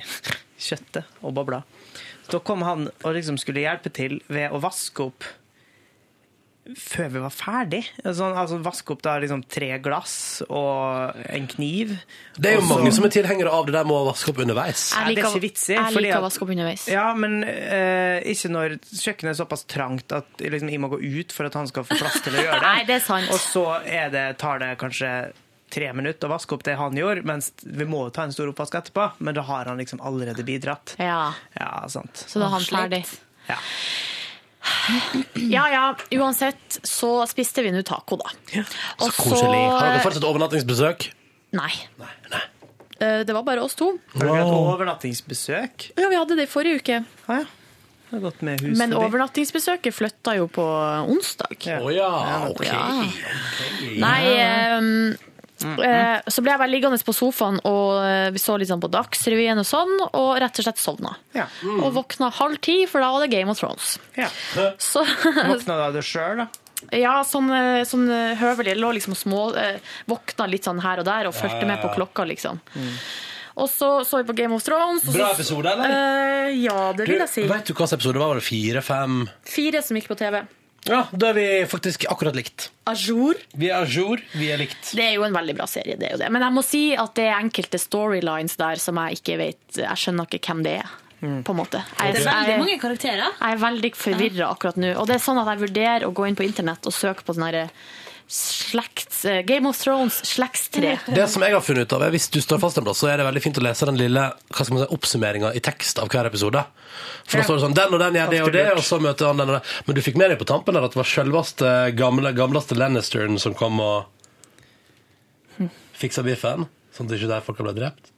Vet du hvor sint du Ja, hadde var, blitt, Ronny? det, er fa hvis ja, men det er faren det. til, eh, faren til eh, de incestparet, liksom. Stemmer. Hei! Hei! OK, det tilspissa seg. Det tilspisser seg. For det Um, var det jeg lurte på. Hva i helvete er han der, tenkte ja, det er jeg. gamle, det er gamle far. Gamle far, jeg visste ja. hadde sett han før. Og det der, var- det der er ingen spoiler hvis du ikke har sett den episoden ennå. Ingen spoiler whatsoever. Men uansett, jeg lå nå egentlig burde jeg lagt meg rett etter Game of Thrones, men så lå jeg der og drog meg. He-he. Dro, og så på krim på NRK1, eh, som er sånn halvveis britisk krim, som jeg bare Halvveis britisk? Ja, men jeg så på det. Nei, altså den er halvveis bra, men den er britisk. Eh, og så så jeg eh, eh, Graham Norton Show, og der var jo Quentin Tarantino gjest, og han er Nei. en skrue. Oi, oi, oi. Han er han. Han er jævlig Han er rar. jævlig rar. Han er såpass rar at jeg gikk inn og søkte på Googles Quentin Tarantino gay. Å ja, for du syns at han er så rar at han kunne kvalifisere til å være homo? Ja. Ja, men, vi, eh, altså, men det var kanskje litt sånn på sida, da, men han virka rar. Og litt homo. Ja. Men uh, Jeg syns han virker som at han tillegger seg sjøl litt sånn der nå, å være litt mer eksentrisk for å være mer spesiell. enn han egentlig er, ja. Det tror jeg nok. Ja, absolutt. men, uh, Men jeg tror samtidig at han er enda mer spesiell på, på en helt annen måte som kanskje han ikke kan vise fram, da, enn han, eh, Ja. enn han kanskje Mye synsing her nå. Men uh, han var Tarantino. Ifølge internett så er han ikke homo. Nei. Nei. Men uh, og Tror de du han har drept noen? Ja, Det har han sikkert. Ja, Men det var et eller annet der om at han hadde prøvd Dere vet, blond, dere vet Inglorious Bastards? Ja. Så er det hun blonde jentdama der. Lenge siden jeg har sett den Hun filmen. som er sånn, hun som er sånn Ja, tyske. undercover eh, Å ja, den, Ja. den um, Shoshan! Ja, uansett. Det er en scene der hun skal bli eh, kvalt av noen. Å nei, hun, å ja, hun filmstjerna? Ja, Å ja. ja. Nå tenkte Jeg jeg på tror det det. hun lille jødiske. Det er sånn stjerne der hun skal bli, nei, scene der hun skal bli kvalt. Mm. Og da eh, hadde Quentin Tarantino har sånn tanke om at uh, han har sett så mye dårlige kvalningsscener på film. For han, han mente at det så ikke ekte ut da. Mm. Og selv om han ikke hadde noen referanse, for han har aldri kvalt noen på ordentlig, sa han.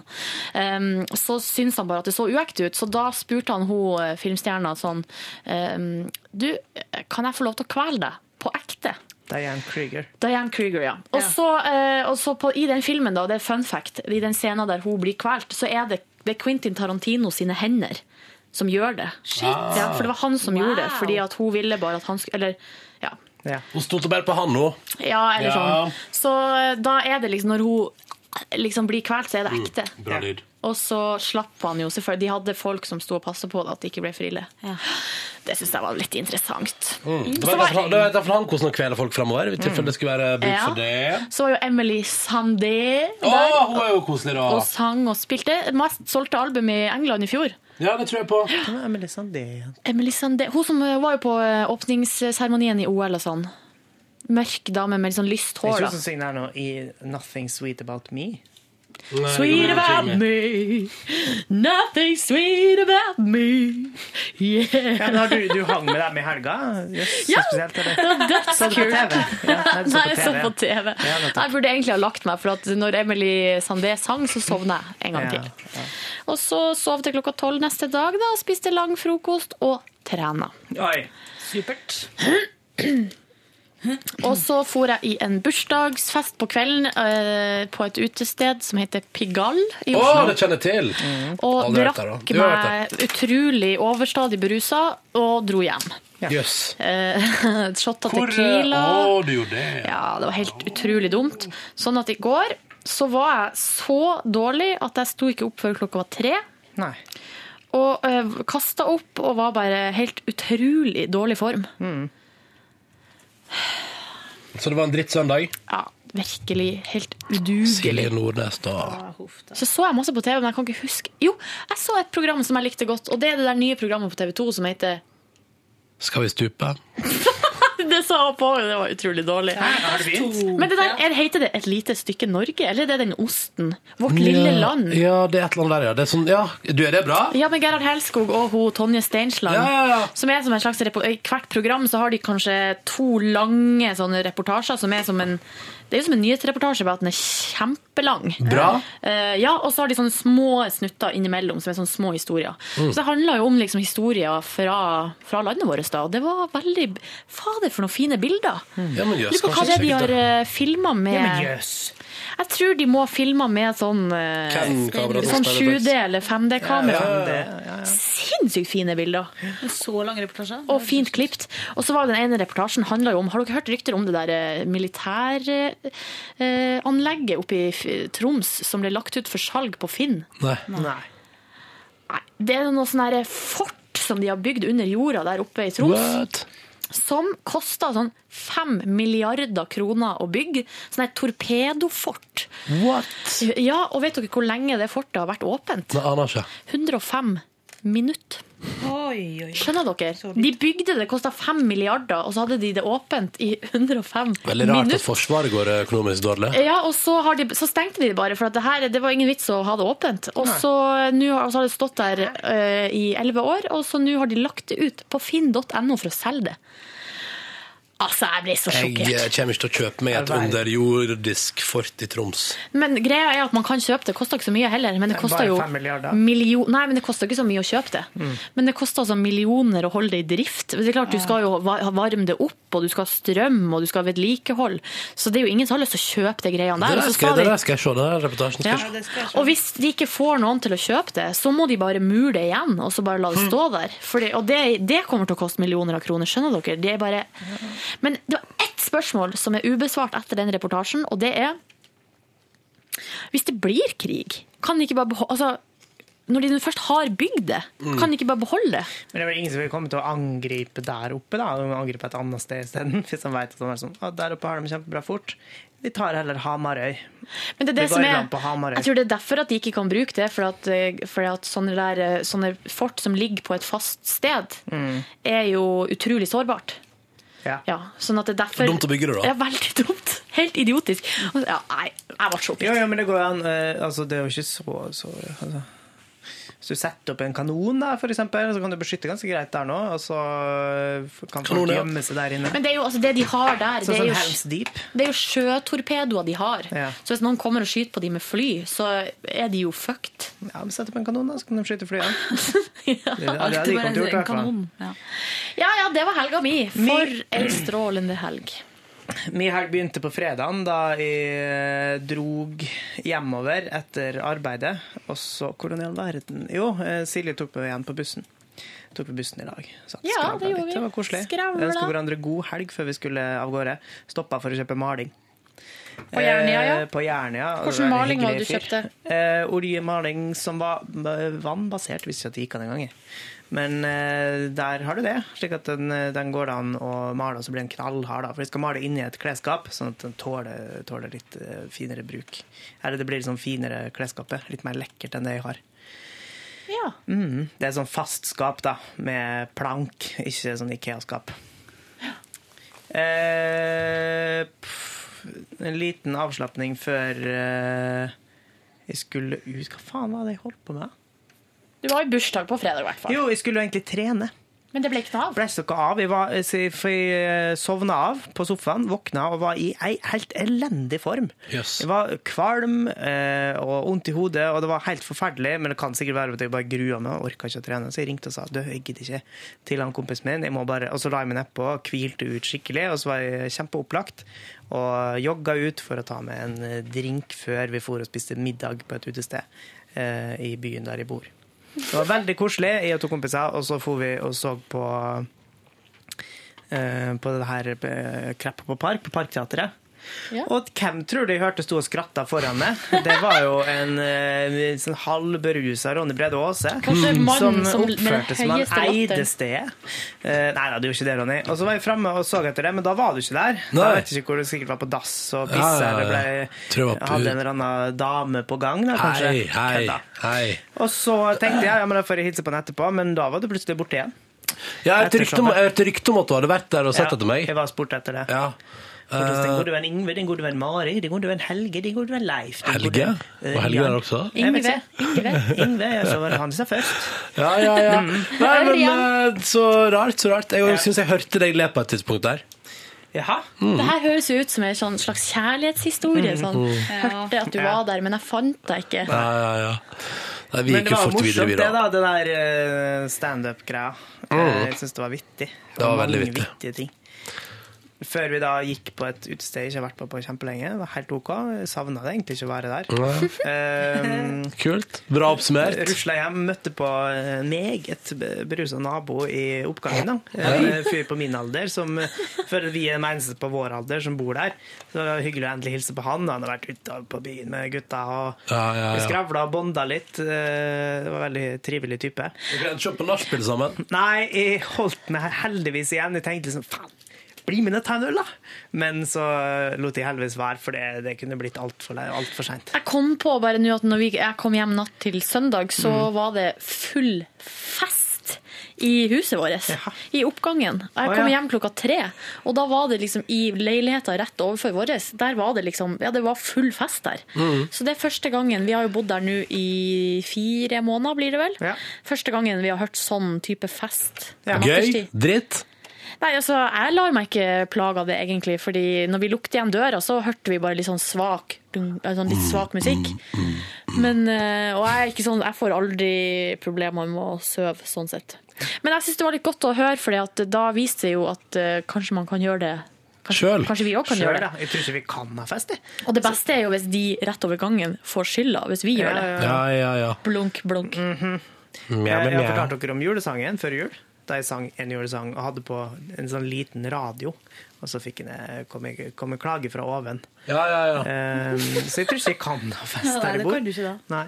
Men, men han eh, naboen på andre sida av gangen, han eh, tror jeg godt kunne Han har ikke kommet til å klage hvis det skal ha fest. Nei, nei, nei, nei, han hadde sikkert blitt med. Ja, ja. Og utover dette her, da? Nei, og så var lørdagen da selvfølgelig prega av en uh, litt sånn slitsom fredag. Å, herregud! fuck! Å, shit! Har vi papir? Har vi papir? Å, herregud, jeg dør. Altså, nå er søl. Nei, nei. Oi, oi, det sprer seg, det sprer seg. Ja, men nå er det bare en flekk på bordet, Ronny. Det er papir her. Jeg har sølt, jeg har sølt. Og jeg har sølt brus. Han har sølt brus oppi en sånn knappegreie. Hella har vi tusenvis av. Jeg tror det her går bra. altså. Den kan ikke tas Oi, ja. Ja, det masse på pennene? der? Nei. Nei, det er bare litt på hjørnet. Ja, men det sprang Silje. Ja, ja. Da ser du danna gøyal figur på bordet. Ja. Gøyal figur på si. bordet. Mm. Nei, det er bra. Silje sprang. Ah, Silje Nordnes. Veldig bra. To the rescues. Typisk meg, da. Hæ? Jeg tror det hørtes verre ut enn hva det er. Men det eneste nedi der, da, du må trykke ned attmed knappene.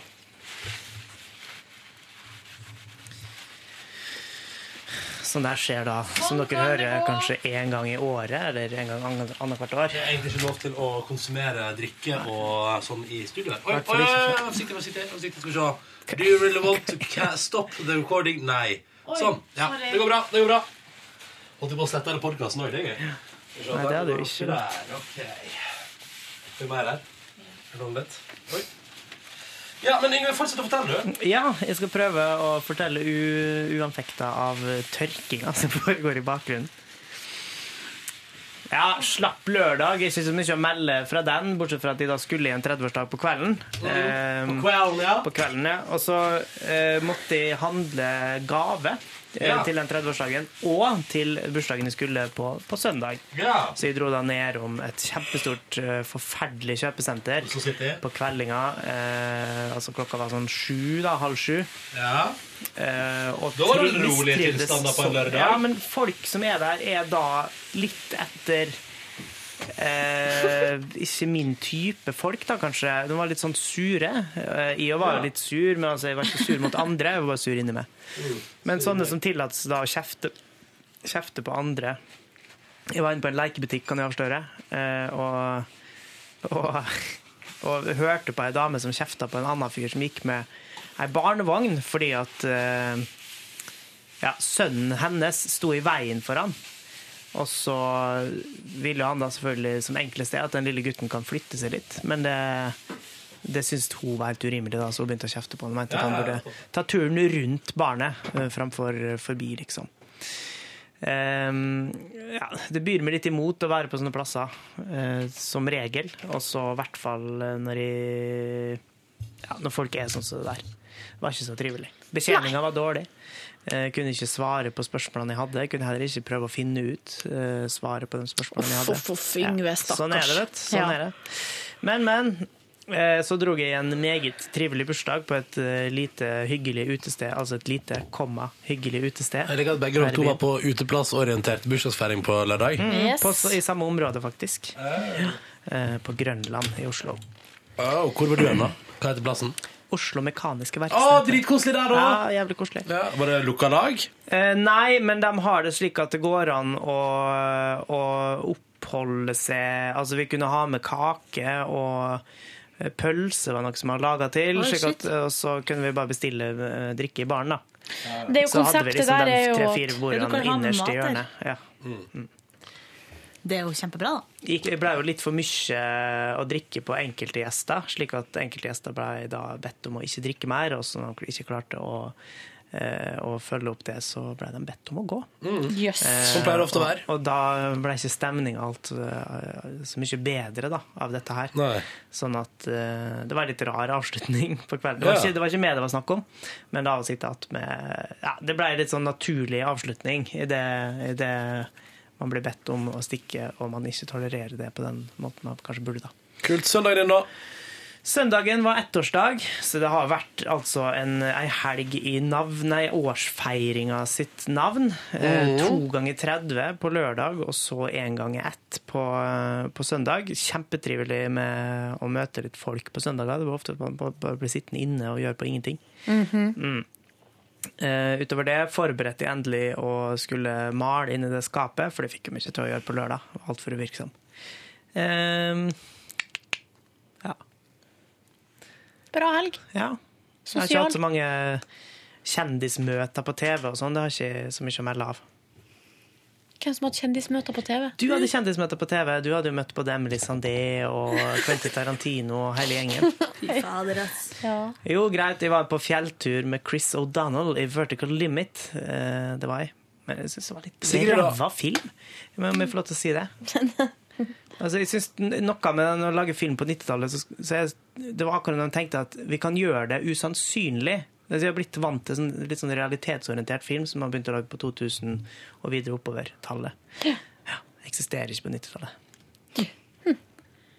Sigrid? Ja, eh, jeg var jo, vi var jo på det humorgreiene på torsdag. Som gjorde at eh, det ble litt lite søvn til fredagen. Ja. Så etter at jeg kom hjem fra jobb på fredag, så, eller la meg og sov sånn kanskje jeg tror det var fem eller seks, så skulle jeg møte noen venninner og fære ut. Klokka ni så sender jeg melding bare jeg, ja, 'Jeg må sove. Jeg møter dere ut.' Klokka elleve så sender jeg melding. Det går ikke. Du kom aldri ut. Kom aldri ut! Nei, Så sov jeg fra halv seks da, på en måte til egentlig klokka tror jeg, ni på dagen etterpå. Da hadde jeg sovet mange timer. Deilig, ja. jeg ble i så godt humør av det. Det var sånn Da jeg møtte en venninne etterpå, så var det sånn Har du pult eller noe? Eller hva er det som har skjedd? Fordi jeg var så sykt glad og fornøyd. Så av og til så kan søvn altså være Være som å ligge? Ja. gratulerer, da. Yes, Eh, men hva fikk du ut av denne lørdagen med stor energi, da? Eh, ja, da hadde jeg masse energi på lørdagen, og så stakk jeg til Lillehammer. Og var Som på man ofte gjør. Ja da, ja da. Ja da. Og Pål Plassen hadde akkurat vært i Lillehammer og hadde lagt ut masse bilder av hvor han hadde spist og kosa seg. Så det, det likte jeg godt. Pål Plassen. Du gjorde det Pål Plassen Plassen. har gjort, da. Ja. Ja. Ja, så Pål, liksom, her går man i dine fotspor. Men du skal dra et sted og så vite at Pål Plassen har vært der før det, og liksom, så han veit hvor du kan gå. da. Ja, ja, men så så jeg at han hadde lagt ut bilde av en sånn skikkelig koselig kafé, og så tenkte jeg herregud, den kafeen har jeg ikke sett før i Lillehammer, fordi jeg vet jo hva som er der. Hvis Pål Plassen liker det, hvorfor skal ikke jeg? Ja, hvorfor skal ikke jeg? Men da dro du rett og slett dit og testet ut den kafeen, da? Ja, jeg var innom der i hvert fall og drakk en kaffe på søndagen da, før jeg skulle reise hjem. Mm, så Så den plassen het Sjokolade eller noe sånt. Så Å, kafeen Sjokolade, lurer på hva den serverer? Rart at ikke Pål Plassen huska hva navnet var, for jeg spurte ham jo. Hva het den plassen der? Husker ikke. Ikke sjokolade. Ja, nei, og så var jeg jo på fest da på lørdagen, og da ble det jo litt Det ble litt mye å drikke, så jeg var litt uh, sliten i går. Ja, ja. Ja. Skjedde det noe spesielt på festen? Nei. Rota du med noen, Sigrid? Nei, nei, nei. Er du sikker? Ja. Helt Du rota med noen, du? Ok, jeg klina, da. Gjorde du det? Det her, eh, det Jeg vil heller ikke snakke mer om det. her, tror jeg. sjelden gang så spiser vi lunsj før podkast Bondesporet, Ja. og da kom det opp i Da kom det opp. Å lunsjsamtalen. ja, jeg var ikke med på den lunsjen, jeg, for jeg var på Nei, det gikk mixtape. du glipp av nå. Ja, så, så du klinte i helga, ja. Det var ikke meninga, beklager, det var ikke meninga å grave sånn, men, Nei eh, da, men det jeg skal var ikke grave nå. Skal ikke Kan grave. du fortelle om rimminga? Hva faen? Å nei, det kom til lunsjsamtalen. Beklager. Er dere vil dele, Du, Sigrid? nå, det er skikkelig flaut. Jeg vet ikke hva det betyr engang. Nei, ok, det greit. bare jævlig nasty ut. Gud, det Vet du ikke hva det betyr? Nei! Det er akkurat sånn som på ungdomsskolen en gang. Så var det Å, det er ikke bli for- sånn da, Silje. Veit du ikke hva det betyr? Ja, men seriøst. Har du ikke prøvd det? Da, I åttende klasse så var jeg en stund jeg ble kalt Fingre-Sigrid Fingre-Sigrid, fordi jeg ikke visste hva fingring var for noe. Det var veldig kjekt. Skal vi, nå er jeg på Ja, Wikipedia. Nå skal jeg lese eh, hva Åh, ja, gjør det. Eh, altså, eh, rimming det er et annet ord for anilingus. Anilingus? er seksuell stimulering av endetarmsåpningen og området rundt eh, parentes, mellomkjøttet ved hjelp av munn, lepper og tunge. Mellomkjøttet, Eh, verdens omtales beste ord. Omtales også som rimming og rimjob. Jeg synes det er helt greit. Jeg ikke visste hva det betydde. ja. Eh, ferdig snakka. Men ja, det var det jeg gjorde på. Ja. Hei, Hei. Google Hei, klining. Hva skriver de på Wikipedia ja, om klining? Må det være tunge? Er det noe lepper? Ok. Går, det, an- går å kline med et kinn, eksempel? Klining. Skal vi se her. Og hvis det står den der lefsegreia De har ikke Wikipedia-artikkel om klining. Herregud, lag det! Lag det! Lag det. Men jeg liker eh, Klining. Det er masse YouTube-videoer i hvert fall om klining. Hei, er det et stort bilde av Gunhild Dahlberg som kliner? Det jeg liker er når du liksom taster inn kline, ikke sant? Så kommer det. sånn her eh, kom, Så kommer det sånn her forslag til hva det kan være. Mm. Og da er det her for eksempel klining wiki. Da er det andre som har leta etter cleaning Ja. på Wikipedia. Så det er cleaning på fest, cleaning lefse, cleaning video, klining, klining spill. Klining lefse. Ja, det viser her, tror jeg, at klining Ja, er, er er, sånn- ei slags lefse. Nei, det er det du har inni lefsa. Det er liksom Ja. det du smører på. Det og det er, sukker, jo- det er smør og sukker og kanelblanding. Det var jo klining. eh, noen, noen foreldre, eh, heldigvis ikke mine, som ikke hadde fått med seg da jeg gikk på barneskolen. Sånn at når vi fikk servert Vi var hos Jon Anders, så fikk vi servert, så kom mora med lefse og sa at det her er klining. Og vi bare Nei, det skulle vi ikke ha, i hvert fall. Eh, først så begynte vi med det, at vi skulle ikke ha det, men så var det sikkert en eller annen tøffing, kanskje det var med, hvem veit. Som sa hei, jeg vil gjerne smake på den klininga. jeg». Og da ble det først fantastisk mye knising før alle ville ha. Var det i den kule perioden din? Um, ja Ja, men altså, det var, jent, det var ikke jenter der, det var bare Ah, ja, gutter. ok. Eh, sånn at det var, det var liksom ikke Jeg hadde ingen sånn sett å tøffe meg for, da, men det var liksom mer at jeg spille at jeg var litt voksen, da. For jeg skjønte liksom dette her. Du, kanskje det ikke var i? Jeg lurer på kanskje det var Martin som sa det. Spennende. Sigrid, hva skjedde videre her? Det ble klining og good times. Skjedde Nei, noe ikke mer? noe good times. Men ja, ok, det var nok Det kan jo tolkes på så mange måter, det, da. Men Mm. eh, ja, også på søndag så Klining av bad times. Ja, så stakk jeg hjem, og da var jeg på toget, og da var jeg sykt dårlig. Ja. Hvordan er det å være dårlig på tog? Det er helt Det er faktisk det verste. Jo, men det er varmt, og det er klamt, og det er masse folk, og det er unger som griner. Og så I tillegg så var toget forsinka, og så ja, først da på midten av veien, eller så på veien til Oslo. Og så var det på et punkt at det var sånn Ja, nå er vi snart på Oslo S, og bla, bla. Så, tenk, så tenkte jeg sånn eh, Eller så fikk jeg helt sånn panikk. Når det toget stopper nå, da skal jeg springe ut herfra og få frisk luft. Det, det må jeg ha nå, ellers så dør jeg. Ja. Og så kjørte vi kanskje 200 meter, så var jeg sånn Vi kommer oss ikke inn på stasjonen. Vi må også være 40 minutter. Vi, vi, vi var på Dere Oslo sto S der 40 minutter? Ja, vi var på Oslo S uten å være på Oslo S, på en måte. Åh. Det høres dritt ut. Det var skikkelig dritt, og da tenkte jeg nå Nå dør du. opp. Oi. Ja. Men det gjorde jeg ikke da. Det gikk Ja. bra. Um, men eh, med andre ord, du kom deg hjem og fikk til frisk luft, og alt gikk bra til slutt? Fikk frisk luft, alt gikk bra til slutt. Visste dere at Klining er en kommune i Bayern, Tyskland? Det visste jeg ikke. Visste dere at Petting er òg en eh, kommune i Rimming, da? Det må det, jo være noe det her er jo bare tull. Altså, hvis du Er du på Wikipedia nå? Nei, nå er det på Wikipedia. Hvis du oversetter petting i Bavaria, så oversettes den til klining. Og det er jo Men søk på rimming, da. Nei, det hadde vi jo gjort, det. Faen. Ronny, hva gjorde du i helga? På fredag så gikk jeg jo hjem fra arbeidsplassen, sov noen timer, og så gikk jeg ut og spiste middag med min gode venn Ingve. Eh, og så balla det bare på seg med folk, og så fant vi ut at eh, etter å ha spist en meget god burger og eh, en del øl, og, noe, og så var det en servitør der som sa Når jeg sa kan jeg få en ny øl, så sa han du er lei av øl du nå? Så jeg, å er det? Ja, du vil ha en drink istedenfor? Så jeg, å vil det? Ja, jeg kan lage noe bra med whisky til deg. Det er det verste og jeg sa OK, det er greit. Og så lagde han noe bra med whisky til meg. Whisky sour. Men er det Mm, lov? ja, har ikke. Jeg Er det lov? Hvorfor skulle ikke det være lov? Det er liksom litt sånn press på folk noe sterkere. Ja, Det syns jeg bare var hyggelig. Så hvis Ja, ja, det er ja, ja, ulovlig, så nekter jeg å si hvor jeg var hen. Ja. Fordi det syns jeg bare var bra, veldig bra service. Ja. Så den plassen jeg var på, kan jeg anbefale, men eh, jeg vil ikke si hvor det er i tilfelle det er ulovlig. Jeg Det var var, å også, si. det var også tilbud på øl den fredagen. Indisk øl på tilbud. Oi, så digg! Ja! Tilbud på indisk øl? Er det lov? Jeg trodde ikke det var lov å ha tilbud på øl. Nei, kanskje ikke. De har jo happy hour og alt Ja, mulig. men det er på grensen, så vidt jeg har forstått. For Ja. man skal liksom ikke reklamere for alkohol.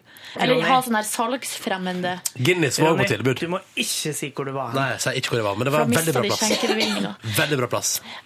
Kan jeg fortelle en ting? Ja. En lite, et lite innsmett. For jeg var jo eh, Klinte du på lørdag? Uh, nei, ja, det gjorde jeg sikkert òg, men eh, for at jeg, etter at jeg for fra bursdagen, så var jeg innom Oslos lokale lesbeklubb og henta kjæresten min. Oh, ja, hun- Hadde hun rota seg dit, hun Hun har rota seg bort dit. Eh, og så sto jeg der i baren, venta på at hun skulle finne jakka si og sånn, og da kom det ei dame eller ei jente bort til meg med ei øl og sa sånn Vær så god. Så sa jeg bare Yes! Navn! Så da fikk Og så sa hun sånn Jeg hører på dere hver morgen, det er skikkelig bra. Nei, så. Eh, og så bare forsvant hun. Og det har aldri skjedd eh, før. Det var så hyggelig, da. Ja, tror du at hun egentlig hadde litt lyst til å sjekke deg opp? Nei, det vet jeg ikke.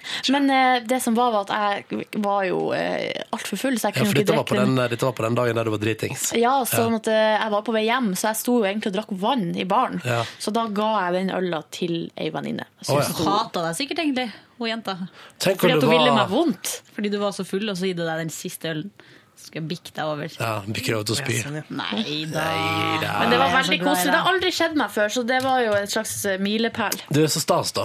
Det var hyggelig å høre. Vi har aldri sjekka opp eh, på den Det plassen her uansett. eh, dere som hører på, at uh, hvis dere ser Silje ut på byen, gi henne en øl. Gi henne en øl, Jeg tar også imot sjelden. Jeg tåler jo ikke øl, så ikke gi meg øl. nei. Så Gi henne rosévin. Whiskybasert uh, whisky sour eller noe sånt. Og gjerne en massasje òg, Mm. hvis det er. Backrub. All right, Ronny. Videre. Jo, nei, jeg skulle bare si at Vi åt noen burger og drakk drinkene våre og ble plutselig en veldig stor gjeng som satt og fjasa. Og jeg så for meg at vi på et øyeblikk der var en sånn gjeng som gjorde til at andre gikk fra restauranten. For det ble for mye bråk. Det ser jeg for meg. Ja. Eller Men vi, for meg. vi tok mot oss Da går vi, da går vi. Så vi gikk, og gikk da på komishow og så på det. Det var kjempegøy. Og etterpå så gikk vi på en drinkplass og drakk drinker. Og der uh, sneik jeg meg altså hjem.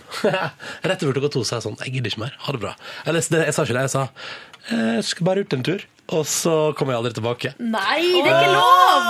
Det er så sleipt! Jo men jeg gjør det da, men det var plutselig var det en taxi der, og jeg bare Ha, den skal jeg inn i! Og plutselig var jeg hjemme.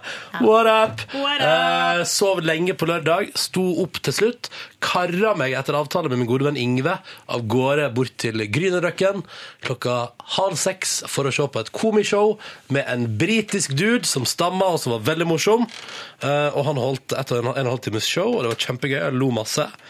Eh, og veldig sånn veldig, veldig, veldig bra humor. Og så så jeg når det var ferdig i sjudraget på lørdagen der, at uh, min gode venninne Mari hadde ringt. Så jeg ringte opp igjen og sa 'hallo, hva skjer?' Og sa ja, nå er jeg og Leif på butikken og kjøper ingredienser til taco. Kommer dere? Og vi sa ja, det gjør vi.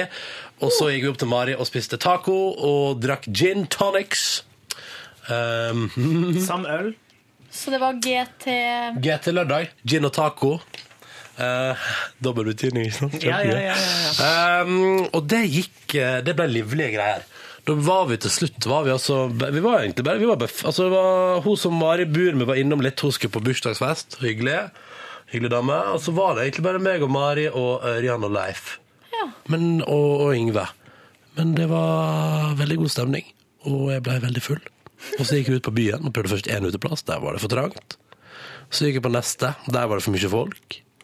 Så stakk vi på en annen uteplass, og jeg kjøpte meg en øl. Satte meg ned ved bordet, skjønte dette går ikke lenger. Og så reiste jeg hjem igjen.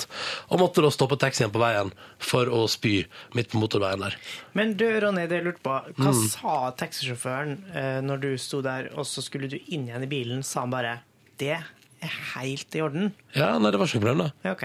Han snapchatta deg sikkert. Ja, nei Snapchatta til alle taxikompisene sine. Nei, nei, men, nei, men eh, min gode venn Inge var også med i denne taxibilen, her, for han også ville hjem igjen og sove. Um, og ut ifra hva jeg husker, så var ikke det noe problem. Han, jeg tror han taxisjåføren bare var fornøyd med at jeg stoppa bilen før jeg spydde. Ja, Og gikk ut på snøen og spydde der, og kom inn igjen i bilen etterpå. Og da kjørte han oss hyggelig nok. eh, Jeg lurer på om Ingve da i mellomtida kanskje sagt sånn du skal få litt ekstra betalt eller et eller annet. Det vet jeg ikke. Eh, Men, men jeg gjorde noe det var veldig, Altså, vet du hva?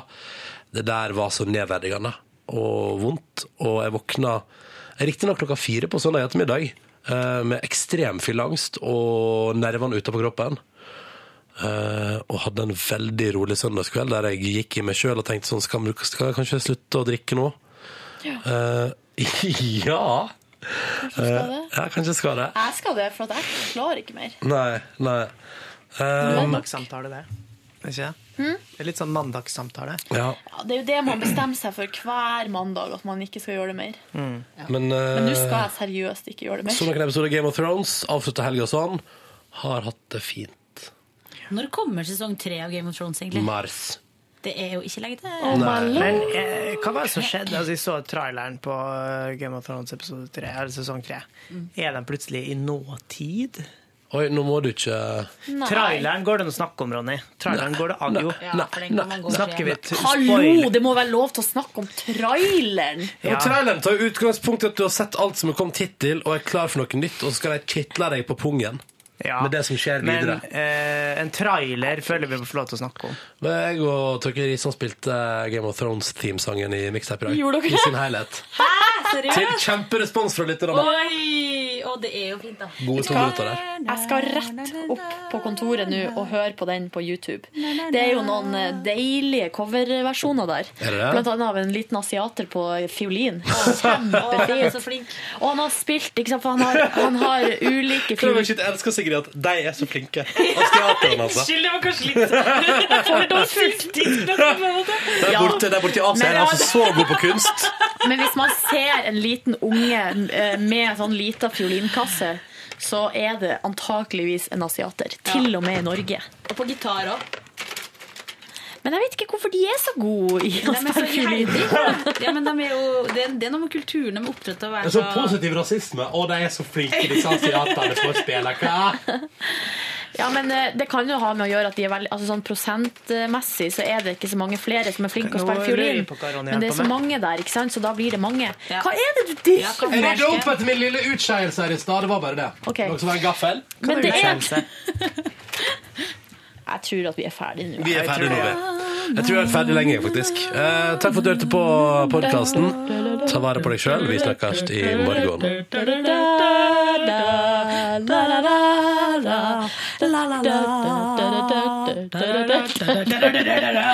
Takk for oss.